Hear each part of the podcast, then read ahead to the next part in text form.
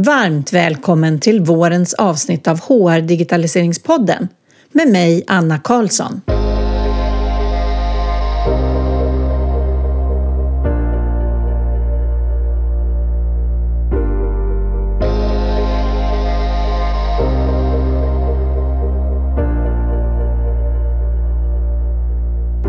Jag har länge tänkt att jag vill släppa ett uppdaterat avsnitt om AI. Idag har jag därför med mig Fredrik Östgren som driver bolaget Hubert. Fredrik är passionerat intresserad av AI och Hubert är förstås baserat på AI. Vi diskuterar var vi befinner oss idag med nyttan, användandet, reglerna och så våra förväntningar inför framtiden med fokus på HR och på omvärlden. Senast jag hade ett generellt AI-avsnitt var faktiskt för hela tre år sedan. Nu för tiden är AI mer integrerat i de lösningar vi använder än att det är något separat, men samtidigt vill vi förstås förstå hur AI fungerar. I slutet av 2022 släpptes också ChatGPT som har gjort att vem som helst kan testa en riktigt smart AI-chatttjänst, vilket vi också förstås pratar om. Om du vill ta steg framåt och behöver en partner att diskutera med så kan du nu boka digitala coachingtimmar med mig. Det kan vara allt från att du inte hinner med att tänka ut vad som är smartast för er att göra, att du har svårt att få ihop ett business case som visar på värdet av den förändring du vill genomföra, eller att du helt enkelt inte har tid att hålla dig ajour med möjligheterna och vill ha en erfaren person att diskutera med. Du kan läsa mer om erbjudandet på länken i poddavsnittstexten eller på vår hemsida under nyheter.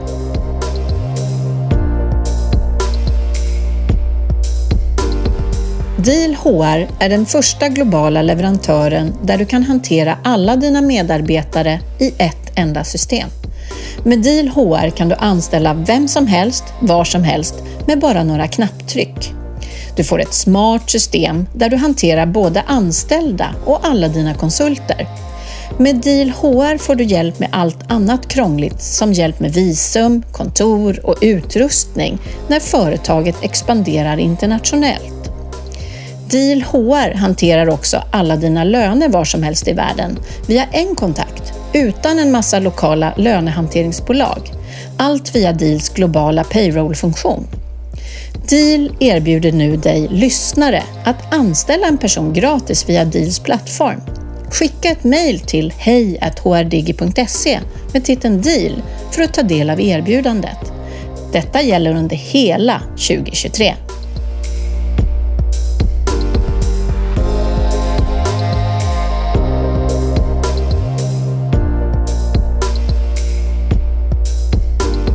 Välkommen till HR Digitaliseringspodden Fredrik. Tack så hemskt mycket. Så vad kul att du kunde komma hit och prata. Och vi ska prata om AI. Får vi se vad vi hamnar i för diskussioner här. Ja, det ska bli spännande. Ja. Men kan inte du börja med att berätta vem du är och vad, varför du befinner dig där du befinner dig nu och så vidare?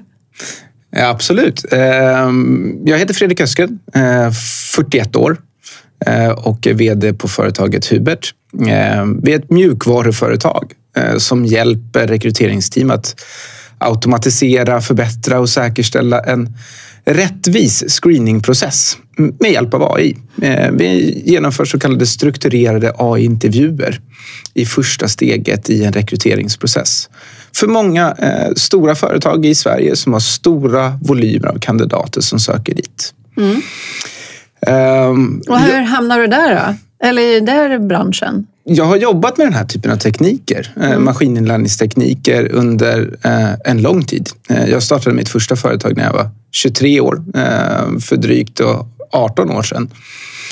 Så vi jobbade med liknande tekniker, men inom ett helt annat område.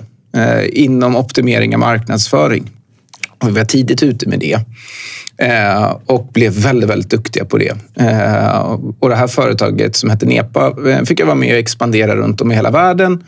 Eh, och jag tycker faktiskt att vi blev bäst i hela världen på att optimera marknadsföring baserat på maskininlärningstekniker. Eh, och ja, där hamnade jag. Sen när jag hade varit där i, drygt 15 år som grundare och, och vd så Eh, bestämde jag mig för att jag skulle göra något annat. Eh, och sen så träffade jag på ett par killar som hade drivit eller byggt en, en teknik för att hålla djupare konversationer mellan människor och, eh, och en chatbot. Då. Det tyckte jag var jättespännande och träffade dem massa gånger. Sen tjatade de på att jag skulle börja där och sen så tog det väl det drygt ett halvår. Sen kunde jag inte hålla mig längre. Sen var jag där och tyckte att det här var superspännande och vi började utforska hur man skulle kunna använda den här typen av teknik för att förbättra eh, rekryteringsprocesser, både för kandidater och för rekryterare. Mm. Så på den vägen är det. Spännande. Så ja. du är entreprenören med teknikintresset då? Kan man Ja, men det kan man? Mm. ja, men det tycker jag man kan säga. Eh, jag har ju nästan bara varit liksom, eh, VD sedan jag var väldigt ung. Mm. Eh, och jag började programmera när jag var ja, men det var på högstadiet någon gång som vi började bygga lite hemsidor för, för olika företag och organisationer och sådär.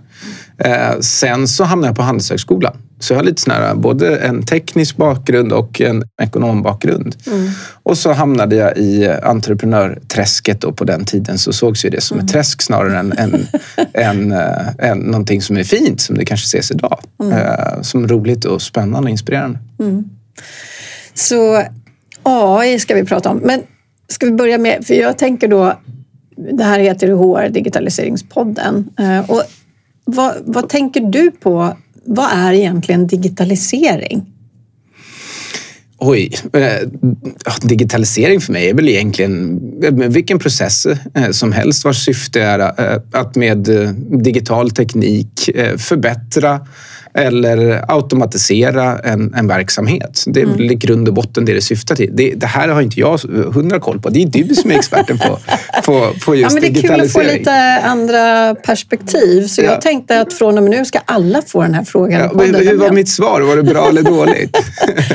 det låter så tråkigt med process. För ja. det är väl, eh, jag tänker Ett arbetssätt då? Eh, aktiviteter, ja. ja. Arbetssätt. Arbetssätt. Ja, det, det tänker trevligare. jag nog lite mer på. Ja. Men eh, du är ju första försöket.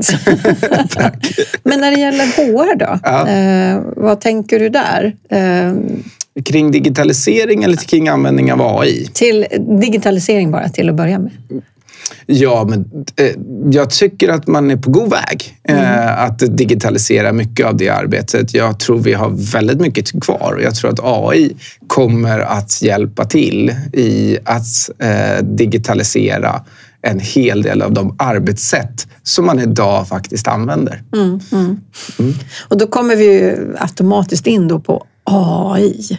Den här Ja, det fluffiga ordet skulle jag väl kalla det. Fast det är väldigt eh, konkret. Men eh, vad det innehåller och vad det är egentligen, det tror jag fortfarande efter så många år inte alla har riktigt koll på. Så vi ska försöka gräva lite grann i det där. Hur, hur skulle du vilja uttrycka vad AI är? Ja, för, för det första så är det väl... Det är ju ett, ett väldigt brett begrepp. Mm.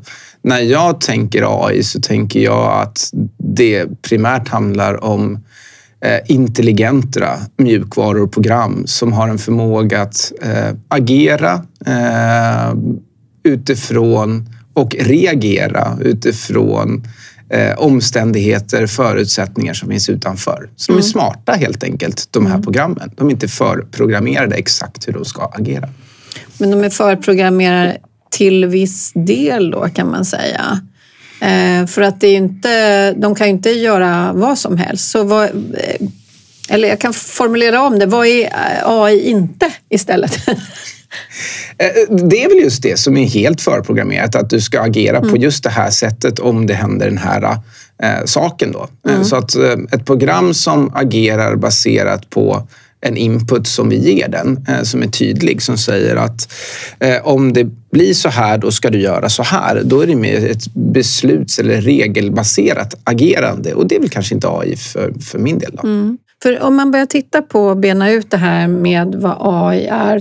Det kan ju vara väldigt komplext och ganska enkelt. Om man börjar med lite... Ska vi börja med chatt GPT på en gång och prata om vad det är och det har ju kommit som en storm. Mm. Kan vi ta det som utgångspunkt och diskutera vad är ChatGPT som mm. har dykt upp? Absolut. Eh, och det här är ju den senaste AI mm. Eh, som har slagit världen med storm. Och nu tror jag att också det börjar bli uppenbart för för en, en bredare eh, krets eh, vad AI faktiskt kan innebära. Mm. Eh, vi som har arbetat med AI, som jag själv har stått där ute och slagits för att AI är tillräckligt smart. Det, det, den är väldigt duktig på att agera utifrån på ett smart sätt. Men jag tror man har som, som gemene man varit ganska skeptisk till hur bra är egentligen AI? Och så har man förväntat sig att AI ska vara helt perfekt.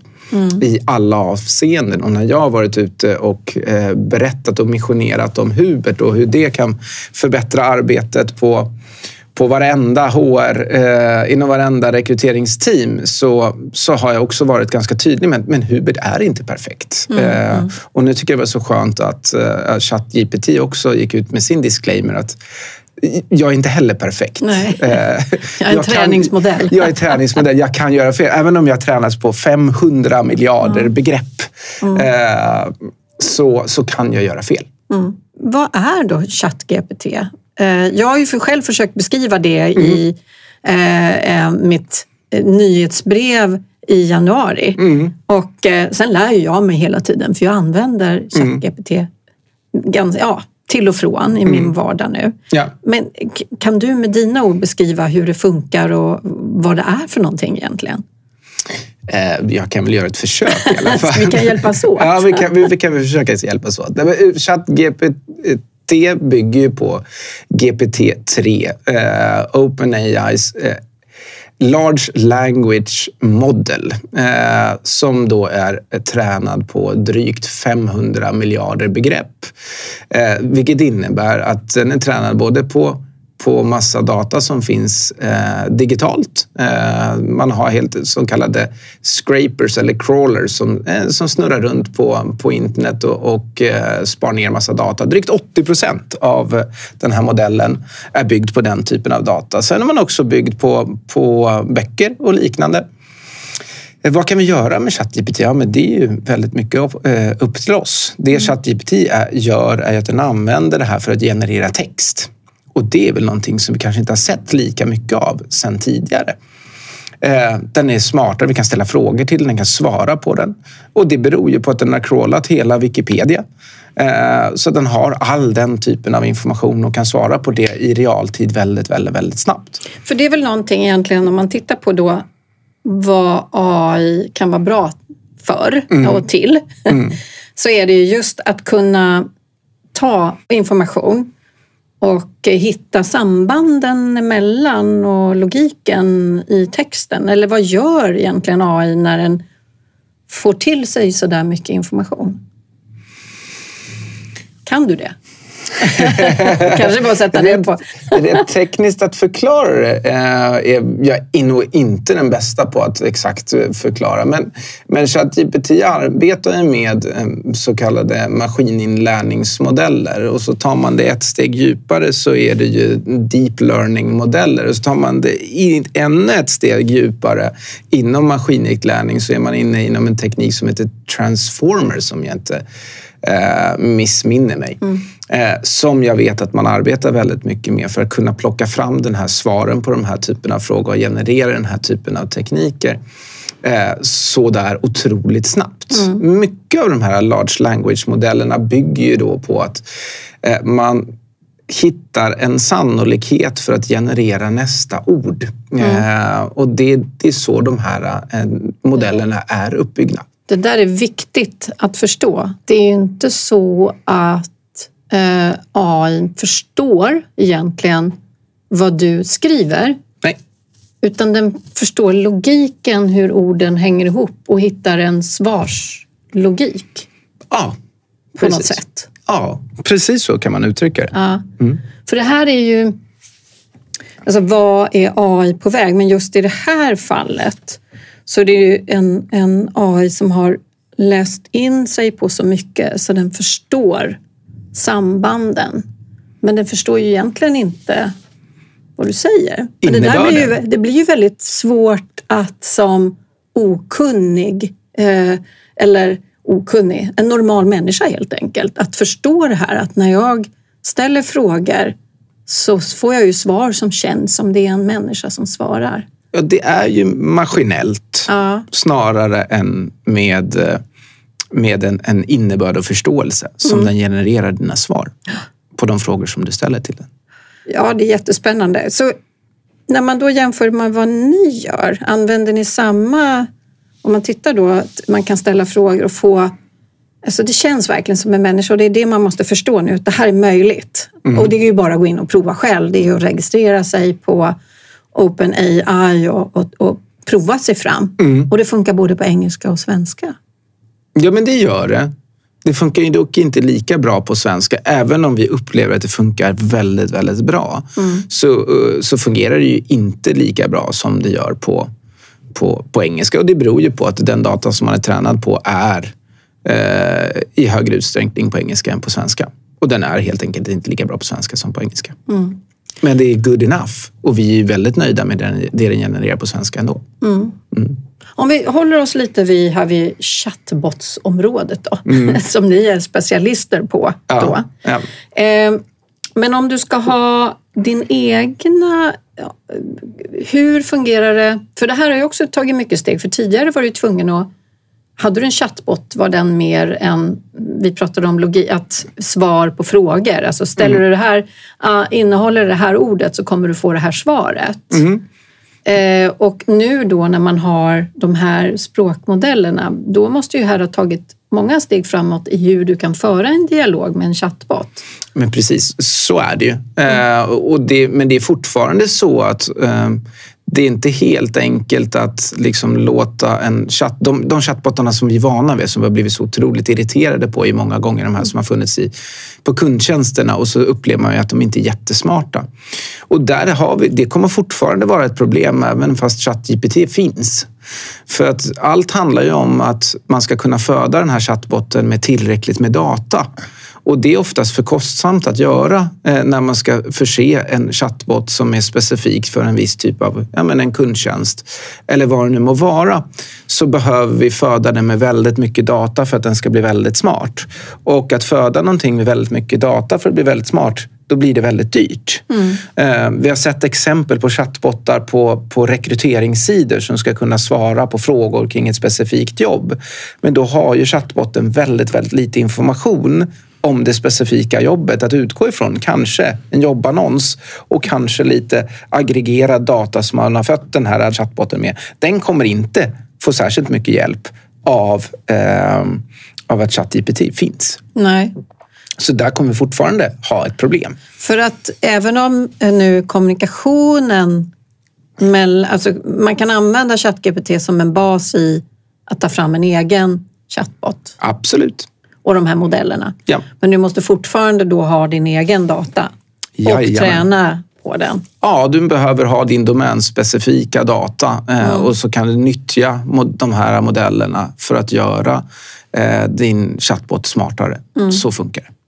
Men man borde kunna få lite smartare. Ja, men det ändå. får du ju, absolut. Du kommer få smartare svar. Den kommer få hjälp med att den kan tolka alla, alla frågor på ett, på ett bättre sätt. Så det kommer du få hjälp med.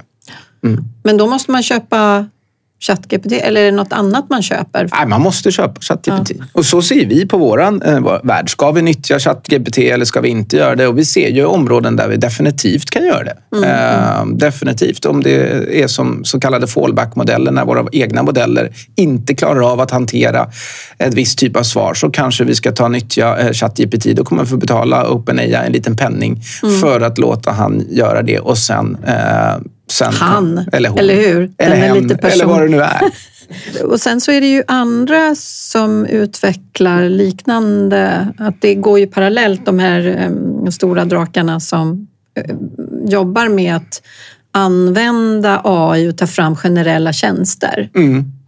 Och det har ju varit en kapplöpning eh, under de senaste åren eh, kring att bygga på de här eh, large language-modellerna med fler och fler begrepp och ChatGPT nu som eh, nådde 500 miljarder begrepp som den är tränad på. igår släppte väl Google sin Bard. Nu kan jag inte eh, exakt hur många begrepp den är tränad på, men det kommer pågå en, en kapplöpning här framöver eh, och det kommer bara gå fortare och fortare. Det hänger ju liksom också på datorernas utveckling och kraft för hur mycket vi ska kunna träna de här modellerna med. Mm, mm. Mm. Men fort går det. Ja, för jag tänker om man tänker tillbaks tre år sedan, mm. fem års tid, mm. så vi ställer ju också högre krav för vi har använt oss av mycket, jag menar chatt är ju inte bara skriva utan det är ju också rösten. Mm. Att kunna prata med våra klockor och våra, mm. eh, vad heter de nu då? Hej Google och annat mm. eh, kul. Exakt, som Google man kan Home, Alexa ja. och liknande. Vad har hänt där då? För jag tycker inte eh, förståelsen då med, för det ut uttryckta ord, alltså det, mm. rösten, har, mm. blivit, har gått lika mycket framåt? Eller Jo, men det, det skulle jag väl säga. Alltså, om du går tillbaka och, och liksom, eh, använder Siri första gången du fick använda Siri eh, så var den ju inte alls lika bra som den är idag. Eller när du testade din första Google Home-assistent eh, som du hade hemma eh, och försökte prata med den så mm. förstod ju inte den någonting. När du gör det idag så förstår den ju mycket bättre. Så det går ju framåt, absolut. Eh, sen så har de väl inte kommit till samma revolutionerande splash som ChatGPT gjorde nu under hösten här. Där det ligger på var man släppar. Liksom. Mm, mm. Mm. Men om man tänker på hur HR använder chatt mm. eh, och så kommer vi in på de andra områdena sen av olika delar av AI. Ja. Men hur, hur mycket används det och på vilket sätt? Är det, är det de som utvecklar sin egen chattfunktion internt eller händer inte det för att det är för komplext och dyrt? Eller köper man tjänster av er till exempel eller andra leverantörer? Är det där som man jobbar med chatten? Eh, vi har ju varit väldigt liksom, ensamma kring att, att jobba med chatten som en del av screeningprocessen mm. eh, under en, ja, så länge som jag har varit på, på Hubert. Det har funnits en del amerikanska bolag som har eh, innoverat med chatttekniker. Eh, framför allt för att eh, effektivisera flödet när man ansöker. Eh, för att man vet att chatbottekniker har en högre konverteringsgrad på din karriärsida än den traditionella eh, formuläret har. Mm. Eh, så därför har man gjort det. Och man har också arbetat och testat med olika chatbot-tekniker för att likt en kundtjänst som ska kunna svara på frågor om ditt företag på karriärsidan. Eh, så på samma sätt så har man funnits en liten chatbot som man kan klicka upp och ställa frågor om företaget eller om eh, om det specifika jobbet. Då. Och mm. De har ju varit ganska begränsade faktiskt. Eh, eh, vi har ju applicerat den här typen av AI-konversationsteknik på, på själva screeningen. Att få fram rätt kandidater för den här typen av jobb och det har vi varit väldigt ensamma om mm. att göra. Mm. mm. Och hur fungerar det då eh, i praktiken? Mm. Ja, men i, I praktiken så fungerar det på det sättet att i samband med att kandidater eh, söker ett jobb Eh, så det första eh, man möts av är att göra en intervju med Hubert. En strukturerad AI-intervju som täcker in alla de områden som en vanlig anställningsintervju gör. Eh, och det här får alla kandidater som söker jobbet svara på. Därefter så gör vår teknik då en bedömning av alla de här kandidaternas svar. Så det finns ett strukturerat sätt att bedöma alla kandidaternas svar och på så sätt skapar vi då en, en, en väldigt snabb eh, process eh, för en, en, snabb rekryteringsprocess. Vi skapar också en process som är rättvis för alla kandidater för de får svara på exakt likadana frågor och alla kommer att bli bedömda på exakt samma sätt eh, i det här. Vilket är jättesvårt att få till i den vanliga världen. Ja, men det är, det är i princip omöjligt ja. om du sitter och ska göra, eh, utgå ifrån CVn som innehåller olika typer av information. För det vanliga är ju att vi ersätter den manuella CV-screeningen och en kort telefonintervju mm. som kanske är på fem minuter. Och då är det väldigt svårt att som människa eh, få ut all den informationen så att vi kan ställa alla kandidaterna eh, jämförbart mot varandra. Eh, och det är också så att vi som människor människor har ju en... Liksom, vi går in med olika inställning och mode i de här telefonintervjuerna eller valintervjuerna och vi kommer vara biast beroende på vilken röst jag möter på andra sidan eller om jag ser ett fotografi eller inte på det här CVt. Det har en omed, omedvetet påverkar oss mm, hur mm. vi bedömer eh, den här kandidaten. Och det vet inte Hubert. Om det är en man eller kvinna eller etnicitet och det, eller ålder. Det är, liksom en, det är en strukturerad chattintervju så den fångar upp, eller han eller hen, ja, Hubert fångar Hubert. upp vad du svarar och ställer följdfrågor om hen inte har förstått och så vidare. Är det så det fungerar, så man chattar fram och tillbaka? Precis, så funkar det. Ja. ja. Så upplever Hubert att han inte har fått ett fullgott svar så kommer han att ställa följdfrågor. Mm, mm. Ja. Och hur är det? Men då är det tillbaka till språk igen. Förlåt ja. att jag är petig. Men man tänker på inkludering eh, kring att man vill ha in folk som inte har då svenska eller kanske engelska då som mm. första språk. Mm. Har ni fler språk då också? Ja, ja. Är det lätt att utveckla i en sån tjänst eller är det Eh, krångligt? Det, lätt och lätt. Eh, det är ganska krångligt att utveckla. Mm. Idag så, så stödjer eh, Hubert eh, svenska eh, och eh, engelska och vi lanserar norska nu och spanska och tyska här i, i Q1. Då. Mm. Ehm, när det gäller språkkravet eh, på hur väl man kan skriva. Eh, för det är faktiskt det vi kan utvärdera. Ja, mm. Vi kan ju inte utvärdera hur man kan prata. Så, så kan man ställa in det på olika nivå. Mm. Som tur är så är de här modellerna, förstår de väldigt mycket felstavningar och grammatiska fel. Så vi kan ställa in i princip huvudet på att inte på lägsta nivå är i princip att du kan svara på frågan. Mm. Eh, och, och det, det, är det lägsta kravet vi kan ha inom ett visst språk. Då. Så mm. när man eh, söker jobbet så kan man få välja eh, vilket språk man vill svara på. Mm. Vissa jobb har ju ett högre språkkrav. Eh, om du exempelvis befinner dig eh, i ansökningsprocessen för en för en kundtjänst där det är mycket e-postande och chattande, ja, men då kanske vi ska sätta upp kravet på att det svenska språket i textformat eh, funkar på ett bra sätt. Medan om du är en lagerarbetare eh, som jobbar på ett lager där du inte överhuvudtaget skriver i text eh, ha bara som krav på svenskan att du eh, förstår eh, frågan och svarar på frågorna. För det mm. brukar de flesta verksamheter ha som krav rent säkerhetsmässigt att du kan tala ett visst språk och kommunicera med dina medarbetare så att vi förstår varandra åtminstone. Så det blir som ett språktest samtidigt då? Eh, nej, det blir det ju inte. I de fallen när vi, eh, när vi sätter ner kraven på svenskan så, så vi, tittar vi inte på svenskan nej. överhuvudtaget. Utan vi tittar bara att du kan svara eh, på eh, frågan. Mm. Mm. Så om vi lämnar det här med chatt eh, och eh, gå lite mer utanför i samhället och titta mm. lite större på vad AI, vad det har hänt inom AI-området. Mm. Vilka områden ser du har förändrats eller utvecklats mycket de senaste åren inom AI?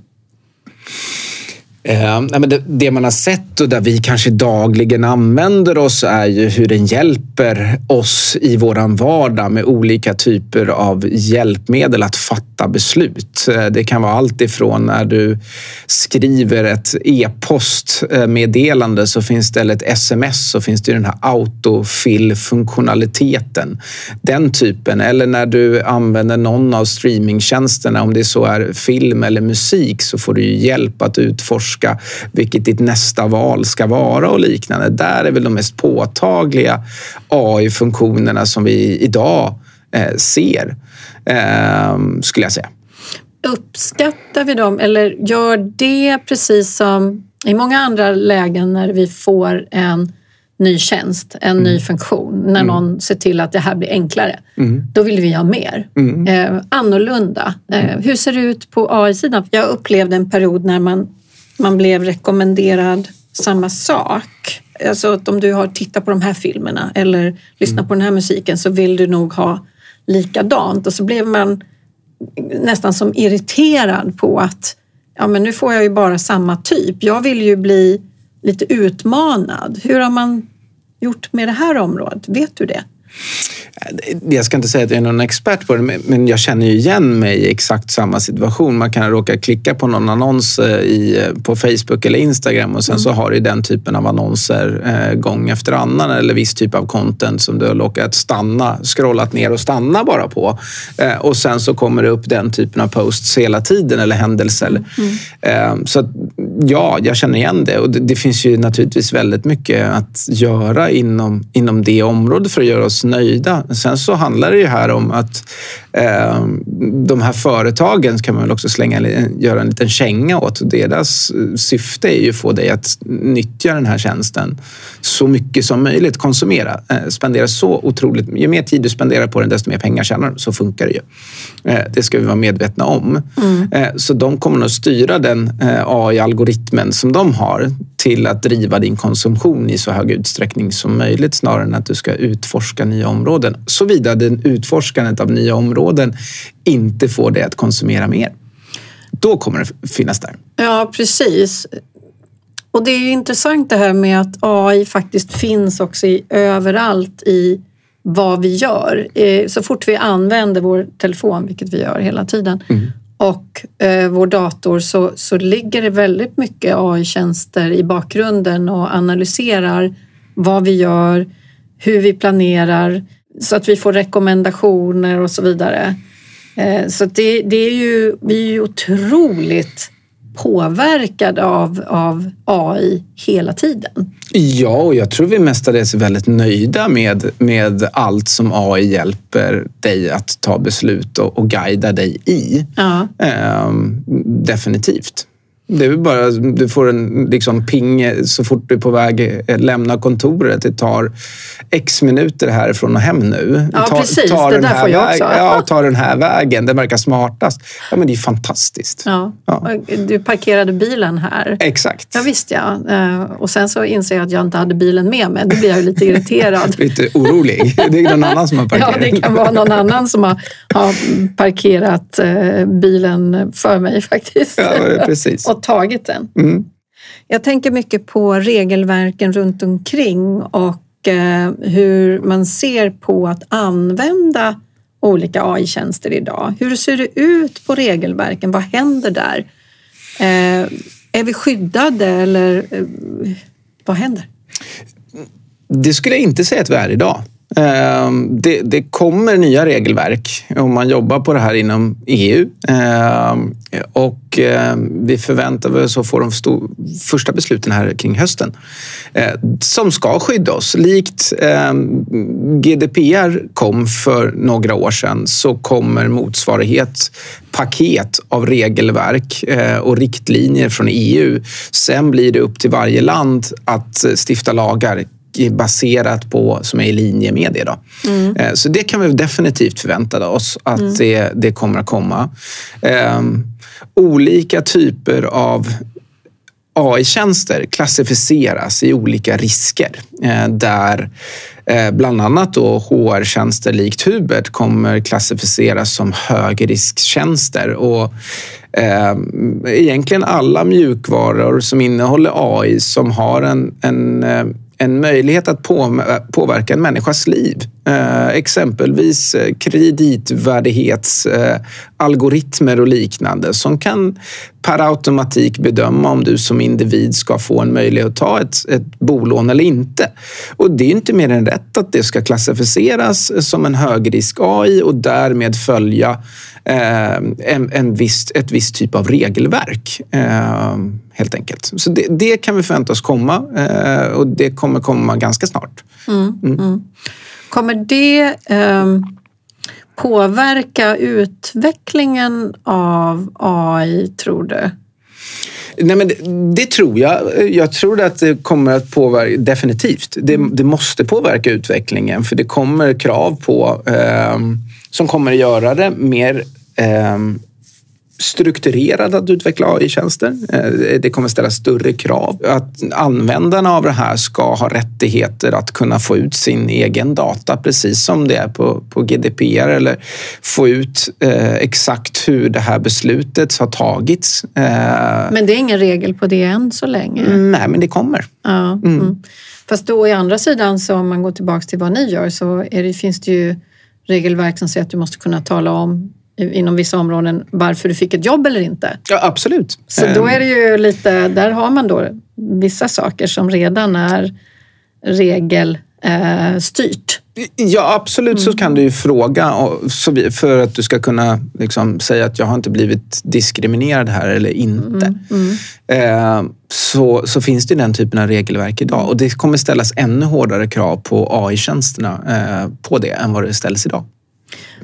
Om du tänker på eh, AIs utveckling och alla områden, jag menar bild och eh, ansiktsigenkänning och allt som har med maskininlärning och så vidare. Ser du några spännande tjänster som kommer eller lösningar som kommer för HR-sidan framöver från ditt perspektiv? Ja, men det gör jag. Jag tycker att våra tjänster är oerhört spännande och jag tror att de kan utvecklas eh, jätte, jättemycket. Jag tycker mig se att det finns väldigt mycket att göra eh, med AI inom området HR. Eh, dels så ser vi att det är folk som påbörjar en resa mot att använda AI-algoritmer för sourcingen, det vill säga att attrahera eh, kandidater eller att identifiera kandidater. Det kan vara allt ifrån att man kan optimera sin annonsering eh, baserat på AI eh, för vilka som driver flest då, kandidater. Kanske inte det smartaste i dagsläget, men man har påbörjat en resa. Mm. Jag tycker man kanske ska optimera ifrån den som driver bäst kandidater ja. eh, snarare än mest kandidater. Eh, eh, så där tycker jag många är fel. Eh, mm. Men det finns också verktyg för att eh, jobba med att ja, men som crawlar på, på LinkedIn och, och letar upp eh, kandidater med vissa typer av kompetenser och liknande. Jag tror att AI-tekniker kommer hjälpa människor i karriärcoachning. Jag tror att det kommer hjälpa oss att, eh, i, i våra vidareutbildningar. Jag tror att det kommer kunna matcha människor med jobb som mm. finns där ute eh, och efter dina kompetenser och hjälpa dig med vad är du bra på och vad skulle du kunna utvecklas inom? Eh, den typen av delar tror jag kommer att eh, utvecklas enormt snabbt de mm. kommande åren. Mm. Inom HR så tycker jag man är, är, nyfiken på AI. Man har inte kommit särskilt långt. Det är spännande och roligt. Man liksom förstår att AI kommer ha en stor påverkan på på min värld eftersom mycket av arbetsuppgifterna inom HR är ju ganska repetitiva. Det är mycket datadrivna eh, arbetsuppgifter och det tror jag att vi kan automatisera eh, för det är en viktig del av AI kan hjälpa till med. Mm. Mm. Så vad tror du är hindret för att man inte eh, börjar använda mer eh, AI på HR? Men det är kanske fel fråga att ställa för AI är ingenting som man tar in, man tar in en lösning mm. som löser som vill åstadkomma en förändring inom organisationen. Mm. Så nu svarar jag kanske på frågan själv. Det kanske är för att man inte, inte har kommit förbi det här med bara att ha ett HR-system på plats ännu mm. och ta vidare steg för att utveckla och innovera och ta, se vad man själv har för behov och vad man ska kunna lösa för utmaningar för organisationen och börja titta på vilka hjälpmedel som finns. Mm. Så nu svarade jag själv på min egen fråga. Eller har du ja, något jag, tror, jag tror det ligger mycket i det. Jag, jag skulle också vilja liksom eh, ge en känga till AI-utvecklarna eh, som tar fram den här typen av verktyg också. Eh, dels kritisera den egna eh, branschen där man kanske mer har varit begeistrad av tekniken istället för att vara begeistrade för vad vilket problem den här tekniken ska lösa. Mm. Och det har gjort att det kanske inte finns otroligt mina, många tydliga use cases av applicerad AI inom HR där de är tillräckligt bra och kan visa på att det här faktiskt skapar ett värde. Eh, när det väl finns eh, så har jag upplevt det att det inte varit så här svårt eh, med mottagandet. Sen så kan det finnas en skeptism kring mm. AI eh, och, och, det har jag mött. Eh, att liksom, ja men funkar det verkligen?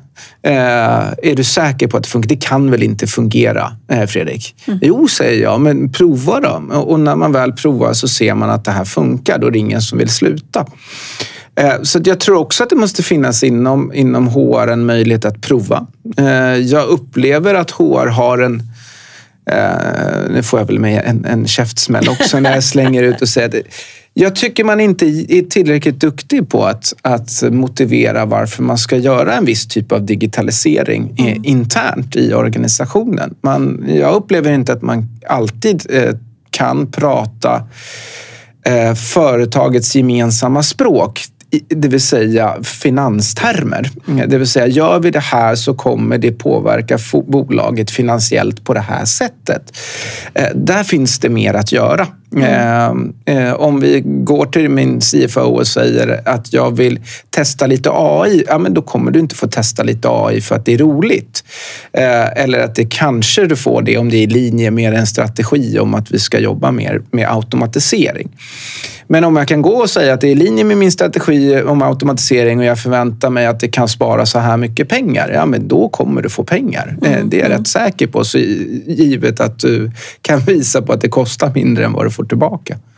Precis, att det blir ett affärsresultat utifrån. Men det där du sa om, om egna branschen, jag tror att alla har hjälpts åt lite grann i att hypa eh, AI som teknik mm. och bli så fascinerad av tekniken och inte då fokusera på lösningar. Men jag trodde faktiskt att entreprenörerna skulle vara lite smartare i att ta fram någonting som går att sälja också. Då, som... Ja, det kan man tycka. det kan man tycka. Ja. ja. Eh, för det, det som jag, jag tycker att jag saknar Ja, det finns ju innovationer i Sverige lösningar som har tagits fram här.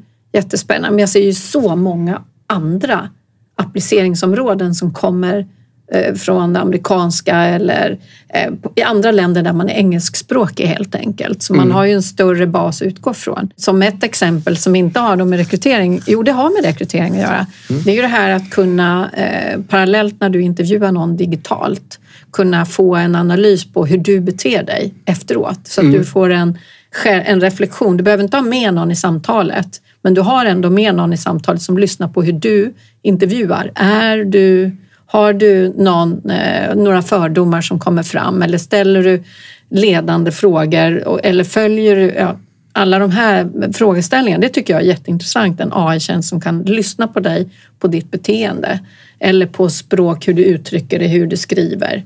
Eh, Ja, det är men fantastiskt. Jag ser inte den coachar ju dig. Ja, precis. Ja. En coach. Ja. Men det ser jag inte mycket av här ännu. Nej, jag tror att det är rätt naturligt. Alltså, vi är ett ganska litet land i Sverige, mm. Eh, så det finns ganska få startups. Eh, i förhållande. Mm. I, I, USA finns det många fler startups. Det finns eh, tillgång till en helt annat kapital och det finns en tillgång till en marknad som är otroligt mycket större. Ehm, så det är naturligt att det kommer komma mer därifrån. Vi har ju varit unika i Sverige inom just teknikutveckling. Eh, trots att vi är så små så har vi varit väldigt framgångsrika om man tittar på de senaste 30 åren i Sverige. Mm. Ehm, men det är fortfarande så att i absoluta tal eh, så spottar USA ut väldigt många fler. Och de försvinner ju också vissa av dem. Så att, men ja, det är de... helt sant att de har ju en så större bas att utgå ifrån. Ja. Mm. Mm.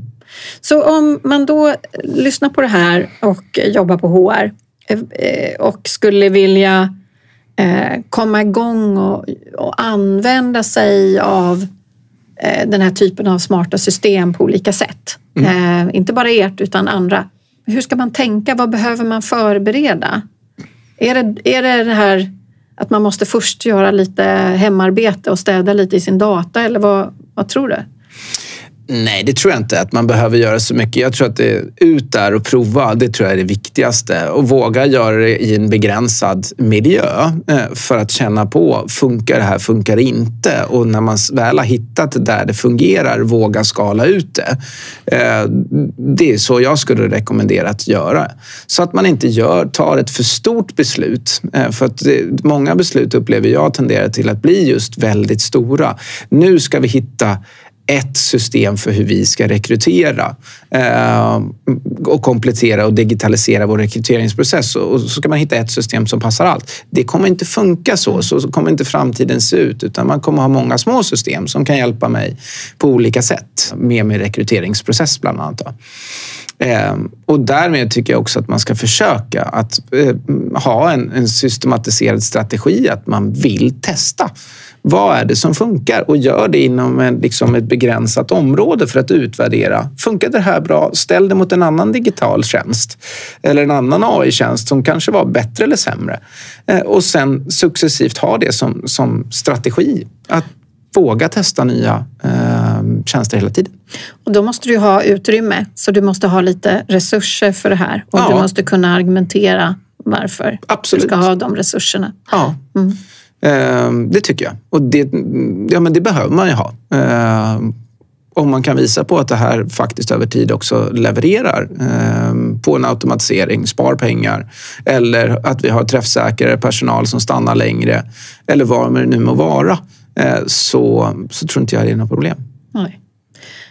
Tack! Jag tror det här får vara slutordet eh, på den här diskussionen kring AI idag. Tack själv!